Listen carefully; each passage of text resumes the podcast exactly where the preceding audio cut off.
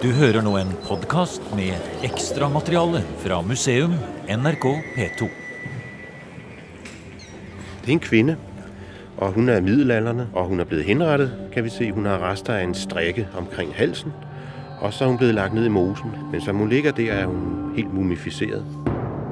Et 2000 år gammelt menneske. Gjemt eller ofret i en dansk myr. Kvalt med et tau som fortsatt strammer rundt halsen. Ansiktsuttrykk, tenner, hår, klær. Alt er intakt. Dyp, mørk brun i huden etter å ha ligget så lenge i det jernholdige myrvannet. Det er groteskt, og det er spennende. Ja, vi har ikke noe tilsvarende i Norge av funn av ofrede mennesker i moser, som de sier i Danmark, eller myrområder i Norge på noen som helst måte. Det har vi ikke. Særlig drakter syns jeg er helt imponerende fra Hulter og Mose og de andre, hvor du kan virkelig se veveteknikk, og du kan se sømmer, og du kan se alt sammen. Men for mange mennesker så er jo det å se et forhistorisk menneske, et nesten 2000 år gammelt menneske, det er jo for de fleste liksom sånn wow! Og det er mye mer som er wow på utstillingen Seirens triumf på Nasjonalmuseet i København. 3000 arkeologiske funn fra romertiden i Norden, hentet fra 17 forskjellige museer, inkludert skattene til flaggfyrsten på Avaldsnes. Et fantastisk syn som en gang for alle utsletter tanken om at Norden var uorganisert og primitivt i hundreårene rundt Kristi fødsel. Men vi må tilbake til myrene, eller mosene, som man sier i Danmark. Vi går sammen med Sigrid Kaland fra Bergen museum og Lars Jørgensen fra Nasjonalmuseet. Jørgensen forteller om gudenes verden, og hvordan Danmarks dype myrer er arkeologenes skattkammer. Og det er det, som gjør at vi har et fantastisk kildemateriale, arkeologisk kildemateriale, til at beskrive også de efterfølgende perioder. Fordi det er faktisk gennem 5.000 år, man har brugt moser, skal vi sige, som kommunikationsport. Når man, menneskene skulle snakke med gudernes verden, så skete det gennem offringer i de her våde miljøer, altså søer og moser. Når vi tenker oss det samfunnet, det landet som det nåværende Danmark var rundt Kristi fødsel og i årene like etter, var det sånn da, Karlan, at det var et mye rikere samfunn enn f.eks. vestlandskysten av eh, Norge? Rikere er jo vanskelig ord kanskje å bruke, men og for det første rent naturgeografisk så er jo landskapene totalt forskjellige. Vestlandet eh, slik som vi tenker på det i dag, det var jo fra vår side sier vi da at det er et karrig landskap. Vestlandet var jo et helt avskoget landskap i romertiden. Det var ikke noe Det var et lyngheilandskap først og fremst. Og det var ullproduksjon som kanskje var noe av det viktigste, og så var det fiske på sjøen. Så her var man bonde og fisker, mens Danmark hadde også denne kombinasjonen. Men Danmark hadde også store naturlige forskjeller mellom Midtjylland f.eks. og de andre områdene og kyststrekningene. Så Danmark var heller ikke så homogent som vi tenker på det i dag, på sett og vis. Det var også regionale forskjeller i Danmark, og det skal vi ikke glemme, altså. Så var det vel kanskje sånn, Jørgensen, at hele Jylland, eh, dette området, de hadde mye mer moser enn det har i dag, og at det kanskje var ikke et så opparbeidet landbruks- og jordbruksområde som vi jo kjenner det i dag. Så jeg vet ikke, det var kanskje ikke så rikt her heller som vi forestiller oss det, sett ut fra dagens måte å tenke Danmark på? Altså, der har en veldig stor forskel på det naturmiljø, som man, man ser i dag, eller også det kulturmiljø, man ser i dag, altså det, der var i jernalderen. Altså vi kan se, at vådområderne, altså moseområderne, de er blevet reduceret med omkring 90 procent Ja. i Danmark op til i dag. Så det vil sige, at der har været meget større vådområder i jernalderen, end der var i dag. Og selve jordbrugsarealerne eller områderne, de lå fortrinsvis langs kysten. Og det vil sige, de centrale dele af Sjælland og Jylland for eksempel, der var overdrevsområder eller skovområder, som var tæt bevokset og altså endnu ikke opdyrket. Og det kan man se på fordelingen af de arkeologiske fund. De ligger fortrinsvis i bæltet langs kysten.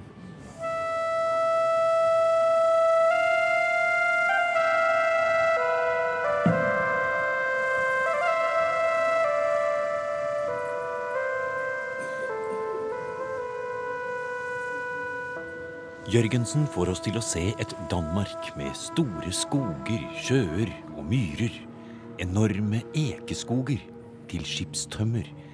Og langs kystene rike høvdingeseter. På samme måte som langs kysten av Norge og langs den nåværende svenskekysten.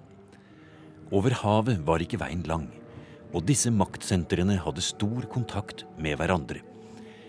Vi er på vei for å se på et av de skipene de brukte, som også er funnet bevart i en myr. Men på veien fortaper vi oss i de utrolige rikdommene og praktgjenstandene som Nordens maktelite samlet seg for nesten 2000 år siden. Se bare på det lille Ja, glasset nå skal vi gå litt nærmere og se her. Ja, Du kan beskrive Karlan, hva det er vi står og ser på her. Ja, det er et, lite, et veldig fint lite beger i hvitt glass med innlagte leoparder og arkantiloper der, Jørgensen? Jo. Jo.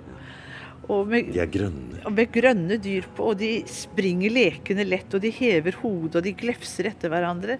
Det er jo helt fabelaktig. Og vi snakker da fra romertiden, da, som har kommet hit opp til Danmark, hvor vi er nå, med den lignende gjenstander. Selv kanskje ikke så flott har man jo også da i Norge. Og det viser jo hvordan vi kanskje må slutte å tenke på dette med romertiden som noe fjernt som var langt nede i Sentral-Europa. Eh, For den var også her, i, i Nord-Skandinavia.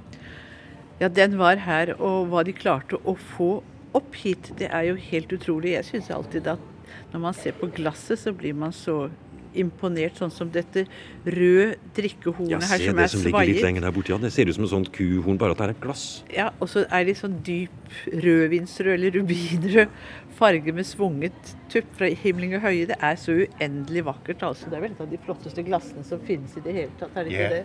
og det, det er faktisk det er purpurfarvet. Ja, og det, den, farve, farve, ja. Den Ja. farve kan man faktisk kun bruke, lave ved at tilsætte guld til glasmassen. Ja. Og det, der er litt spesielt også ved drikkehornene her, det er jo, at romerne brugte ikke drikkehorn. Og de her drikkehorn, de er lavet i store glasværksteder i Køln. Og de er spesifikt fremstillet med henblikk på avsetning. Ja, det er laget for eksport til Nord-Skandinavia. eller på bestilling, kanskje, til Ja, og med. eller, eller til best, på bestilling, ja. Det er fantastisk. Jeg altså. innbiller meg alltid at dette må ha vært på en Ja. måte på bestilling, slik at du virkelig føler at her kommer makten og bestiller det Ja. vi vil ha.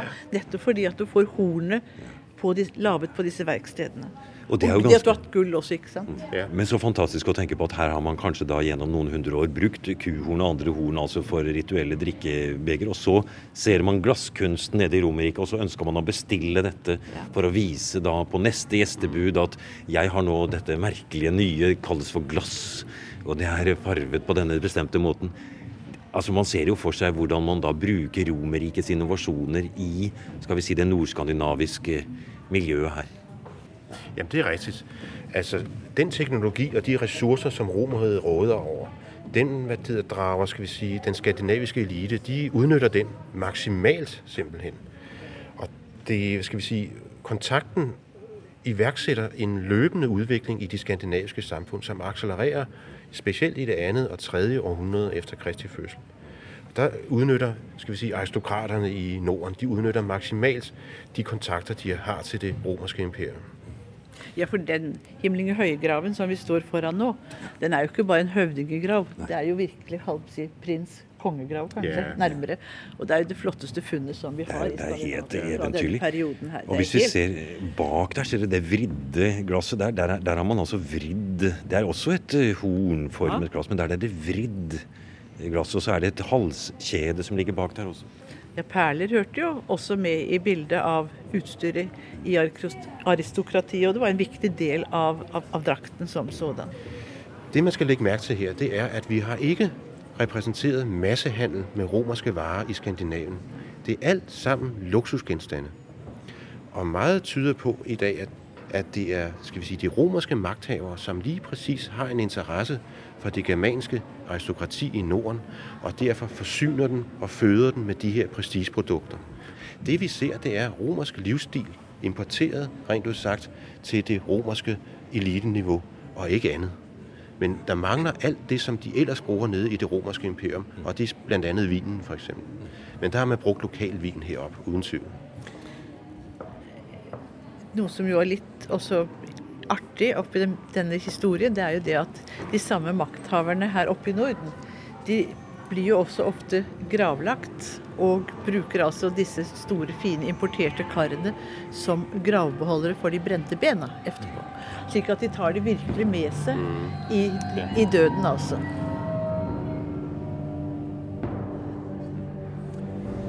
Jeg står her og lurer på en ting, Karlan. Er det sånn at når vi tenker på dette tradisjonelle bildet vi har av vikingtiden med våre forfedre som stormet nedover i Europa med hevet eh, sverd og uh, fryktinngytende utstyr i det hele tatt, var det rett og slett avslutningen på en lang periode, istedenfor man kan si at det var på en måte da det hele startet med en ekspansjon utover? Jeg holdt på å si at Man har på mange måter liksom latt vikingtiden dekke over at det har vært noe som har skjedd før.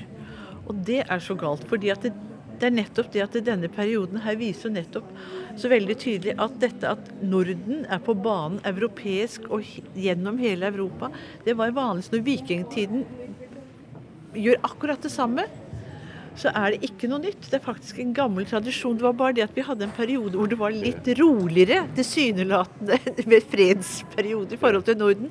Men vi fortsetter bare i akkurat de samme sporene. Og det er ikke noe verre det vi gjorde, gjorde i vikingtiden, enn det du hadde gjort i romertiden, egentlig. Ja, for du ser vel også likhetene her, Jørgensen, når vi sammenligner det med vikingtid? Mm. Jamen, jeg er fuldstændig enig. At det, som vi har repræsenteret her i romertid, det er, skal vi sige, interne skandinaviske magtkampe, hvor fyrster vokser sig større og større. Og vi ser altså skyggen af de første kongemagter blive etableret på det tidspunkt her. Og i vikingtiden, der ser vi fuldstændig det samme billede gentaget. Blot er ekspansionen nærmest mere international. Fordi nu går man ud og erobrer områder i England, Irland, i det hvad det nordlige Frankrig. I Tyskland har man gentagende vikingeangreb på. Man er meget mere, skal vi sige, internationalt ekspansiv.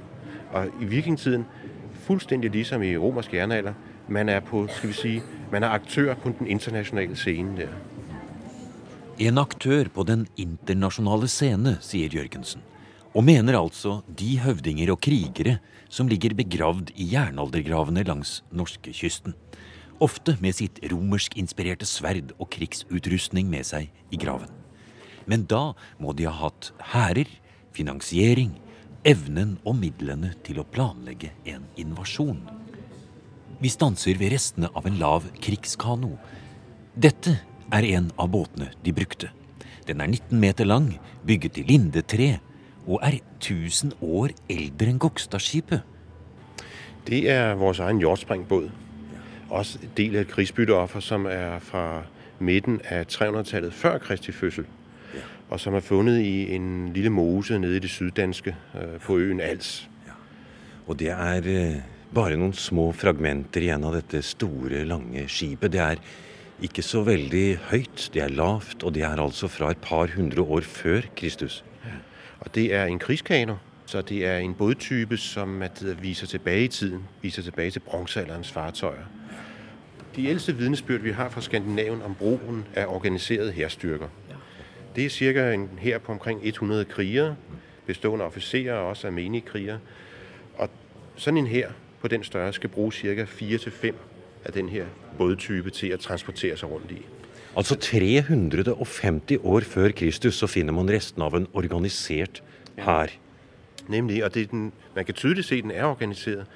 Blandt andet når man gennemgår fundene, så kan man se forholdet mellem officerer og almindelige kriger. Det er som 1 til 9. Og hvis man kender lidt til den romerske her, senere, der har man et forhold mellem underofficerer og soldater på 1 til 8, og det er det, som romerne kaldte for et kontubernium, eller et teltfællesskab. Og det er en militær grundenhed, som går videre helt op i renaissancen, og det er sådan en styrke, eller skal vi sige sådan en enhed, som selv kan forsørge sig selv, når en her er på Mars for eksempel. De vedligeholder selv deres udstyr, sådan det mest nødtørftige, og de kan ligesom tage hånd om sig selv. Og det ser vi jo faktisk ligger her. Her ligger det rester av skjold, her ligger det rester av eh, sverd og andre krigsredskaper. Så det betyr at når denne hæren som man tror kom fra Norge ca. 200 etter Kristus, som var organisert på samme måte, så hadde dette vært en tradisjon i 500 år i dette distriktet vårt. Det har det åpenbart vært. Men dessverre så må vi også si at hjortspring er en enig svale, som man sier, en enig fugl. Fordi vi har ikke andre store øh, krigsbytteoffer for denne periode. Så skal vi helt opp på den andre side av Kristi fødsel. Og vi skal faktisk helt opp omkring 100 øh, efter Kristus, før vi begynner å se skal vi si, skyggen av de samme øh, store hærstyrker som vi har i jordspringfunnet.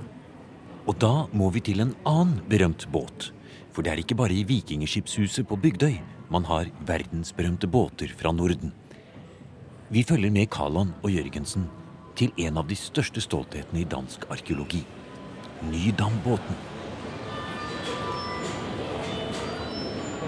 Dette er i grunnen noe merkelig, Jørgensen. For her har vi gått ut av eh, den store hovedutstillingen dere har, Seierens triumf, og så har vi gått inn i et telt. Og det vi hører her, den lyden i bakgrunnen, det er vifter som holder en viss temperatur her, vil jeg tro, og andre ja. ting. Og i dette teltet, i skal vi si bakgården på Nasjonalmuseet her i København, så står vel den eldste båten som vi har i hele Skandinavia, som er hel, i hvert fall. Ja, det er vores nydambåd, ja. eller det man kaller for nydambåden, Som normalt står på det arkeologiske museum i Slesvig på Slotts Gottorp. Og der har vi lånt den fra øh, for et års tid. Så den skal først tilbake til, eller retur til Tyskland her i gang i marts neste år. Så her har dere altså gjort det man diskuterer og man muligens kan gjøre i Norge? Dere har flyttet en stor og gammel båt? ja, vi har faktisk flyttet Nydambåten her, som er stor. Men, men, fortell oss med en gang, Jørgensen. Når er denne båten fra? Den er bygget 310-320 efter Kristi fødsel. Og så er den kommet i Nydam Mose i det sydjyske området en gang i midten av 300-tallet efter Kristi fødsel. Da har vi altså her Karlan, en båt som er 500 år eldre enn eh, vikingskipene våre. Ja, det har vi. Det er fantastisk å se på. Det er helt utrolig å se, å se denne båten ligge her. Og at de våget å gjøre det. Det var jo liksom det, da. Ja, Det er jo litt interessant i forhold til den diskusjonen om flytting som man har i Norge. Men det er jo en helt annen diskusjon, selvfølgelig. Det er en annen diskusjon. Men her ligger nå i hvert fall båten. Og det har noe med tilstand på de to båtene å gjøre, ja, også uten at vi skal gå inn på akkurat den detaljen. Der. Men apropos tilstanden, Kalland. Det er jo i en fantastisk eh, tilstand. For den er jo så godt som hel. Altså Skipet er jo Det ser jo i hvert fall helt ut. Og hvis det ikke er veldig mye nyrestaurerte ting her, så er det nokså imponerende. Ja, det er imponerende når den ligger i en mose og blir, har de riktige omstendigheter fra den blir lagt ned til den blir tatt opp igjen. Men det samme var jo med vårt si, e, eneste mose skipsfunn da, fra Kvalsund på Sunnmøre. Mm. Den er også, er også, i god tilstand relativt sett. Ja, hvor, hvor gammel er den? Ja, Den ligger på rundt omkring 600, slutten av 600-tallet. Og den er jo akkurat det siste steget før vikingskipene, altså. Men og den er også... altså da noen hundre år faktisk eh, eldre. Ja. Men det som er litt artig også når man ser Nydamskipet, er jo at vi på Vestlandet har funnet en småbåt som i detaljer er akkurat maken til Nydamskipet detaljer, sånn som keipenes utforming. De er, ja, altså åre... åre det som vi vil, åregang, det er ikke gaffelgang, men altså det er åregangen, da. Eh, og de er på akkurat samme måte i detaljer, utforming og uh, variasjonene som du også finner her, finner du på den småbåten fra Mangersnes på Radøy. Så du, du, kan se faktisk veldig mange likhetstrekk på en måte for, på, på, båtene fra, fra, den tiden her? Ja, det er akkurat sånn som du ser Gokstadskipet. ikke sant? Og så har du småbåtene fra Gokstadskipet som du igjen kan se paralleller til også i dagens oselver ikke sant, i Norge. Og her kan vi se altså småbåten i Norge ser vi eh, fra Mangersnes. Den er en miniatyr av Nydamskipet på sett og vis. Ja. For når vi skal beskrive denne båten her, så ser vi jo det, Jørgensen, at det er jo for det første så er det ikke et seilfartøy. Det er en, det er et, den er for å ro. Det er en robåt, ja. Og man får litt vondt av dem som skulle ro den, i hvert fall. Ja. Men det, det er litt For den er stor og tung, men den er ikke så høy. Den, den er stor og tung, men altså ikke, heller ikke så tung. Og hva det der, Modellforsøk har faktisk vist at de 28 roere som har skulle drive fartøyet fremad, at de relativt lemt kan få den opp på omkring 10 knop. Ja, det er hurtigt. Ti knop, ja. Ti knop. Men du sier 28 roere, men så vidt jeg kan se, så er det syv-åtte årer på hver side. Men du, det har kanskje vært enda flere? Det har vært mange flere. Ja. Det er en hel del av de her årkeiper. Ja. De er fallet av ja. øh, mens den lå i mosen. Ja, Så det er bare de man har bevart som står igjen her av de festene til årene? Ja, ja det er faktisk enda kopier av årkeiperne. Jeg ser den første der er en kopi, ja. Så vi har ikke alle årkeiperne bevaret på den her. Men det er fantastisk når vi går litt nærmere her. Vi ser det er en ganske spiss akterstevn, og den er helt lik eh, forstevnen der. Og så er det da eh, tidligere i båten der, det er altså man sitter og ror her på Man har sittet ganske mange mennesker her, og det har ikke vært mye plass til last. Så denne robåten det har vært en, et krigsfartøy.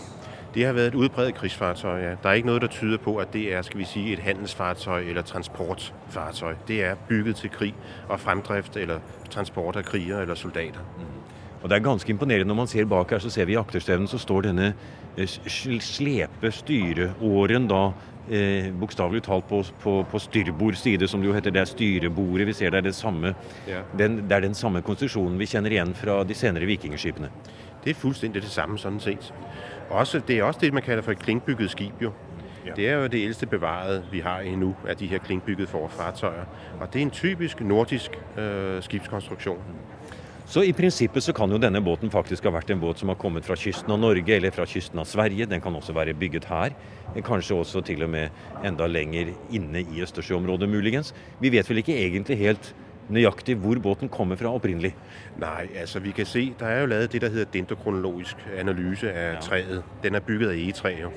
Og der kan vi se at den kurve, den dendrokronologiske overgangskurve som båtens tre her går på, det er den sydskandinaviske kurve.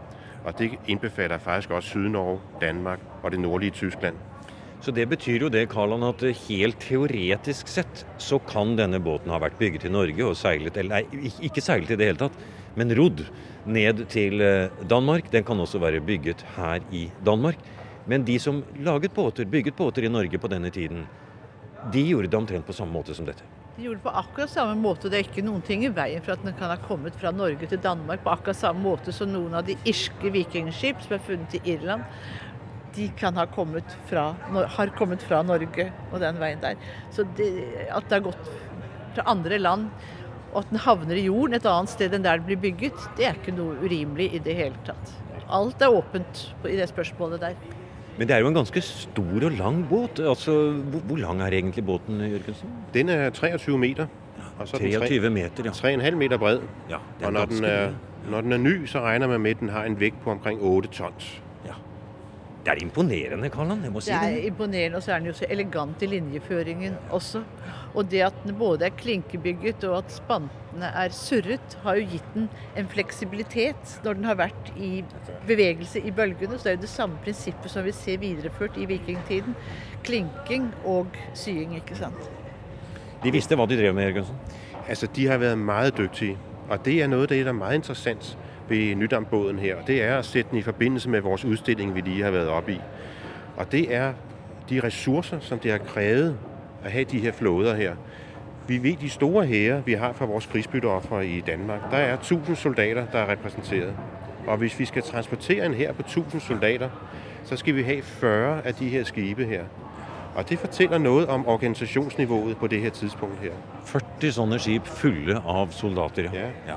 Og så ikke minst, man skal ha egetreet til dem også. Ja.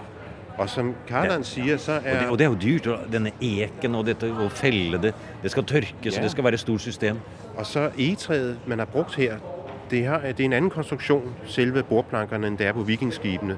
Det, rent økonomisk er det en katastrofe å fremstille bordplanker til det her skip her, fordi man skal ha dimensjoner på omkring 10 cm tykkelse for hver bordplanke.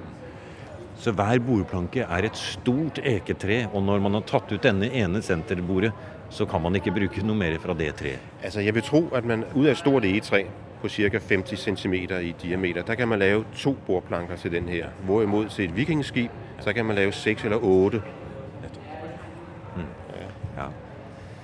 Fantastisk. Tenk når man skulle bygge de altså til en såpass stor hær. Hæren i seg selv var ikke de som bygget båten. Det var en helt annen gruppe i samfunnet. Og det forteller jo virkelig om organiseringen av samfunnet på den tiden. At du hadde nok folk som kunne gå inn og hugge tømmeret, være med skipssmeden og plukke ut tømmeret og utføre operasjonen, det å bygge denne båten. Og det bygger du jo ikke fra den ene dagen til den andre. Det tar en viss tid å bygge disse båtene. altså. Og Man skal også tenke på at de lengste bordplanker her, eller bordplankerne er 16-17 meter lange. Det er de lange bordplanker. og det vil si at Man skal ha egetræer der er retvokset i en høyde av 16-17 meter. Og Det får man ikke lige. Og vi har et eksempel som vi plejer å fortelle når vi viser om her. Det er at i 1807 der kom englænderne og tog den danske flåde den gang fordi vi holdt med Napoleon. Det var selvfølgelig også dumt. Men der plantet man så det man kalte for en flådeskov efterfølgende. Og det var klar til bruk her for ganske få år siden.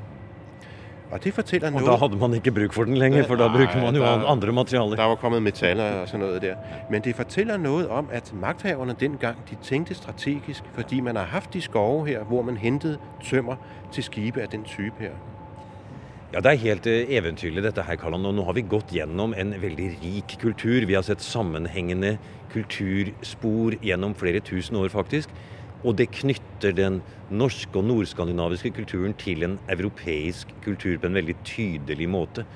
Så vi må vel kanskje si det at hvis folk har det inntrykket av at eh, det var en mørk og lukket tid vi vet lite om, det som ligger før vikingtid og rundt Kristi fødsel og bakover, så er det feil. Ja, da er det feil, og da er det vi som kunnskapskilder må gjøre noe aktivt for å formidle dette til folk. Og det er det som Nasjonalmuseet og danske arkeologer har gjort på en sånn fantastisk måte ved denne utstillingen her. Nettopp å løfte denne perioden frem for publikum, og noe som publikum har verdsatt ved å komme i så mange besøkende til denne utstillingen her. De har gjort en kjempejobb. Du har nå hørt programmet Museum som podkast fra NRK. Museum sendes i NRK P2 på lørdager klokken 16.03 og søndager klokken 08.03. Hvis du vil, kan du abonnere på Museum podkast i iTunes. Jeg vil gjerne ha dine synspunkter på programmet. Send kommentarer eller tips til museum.krøllalfa.nrk.no.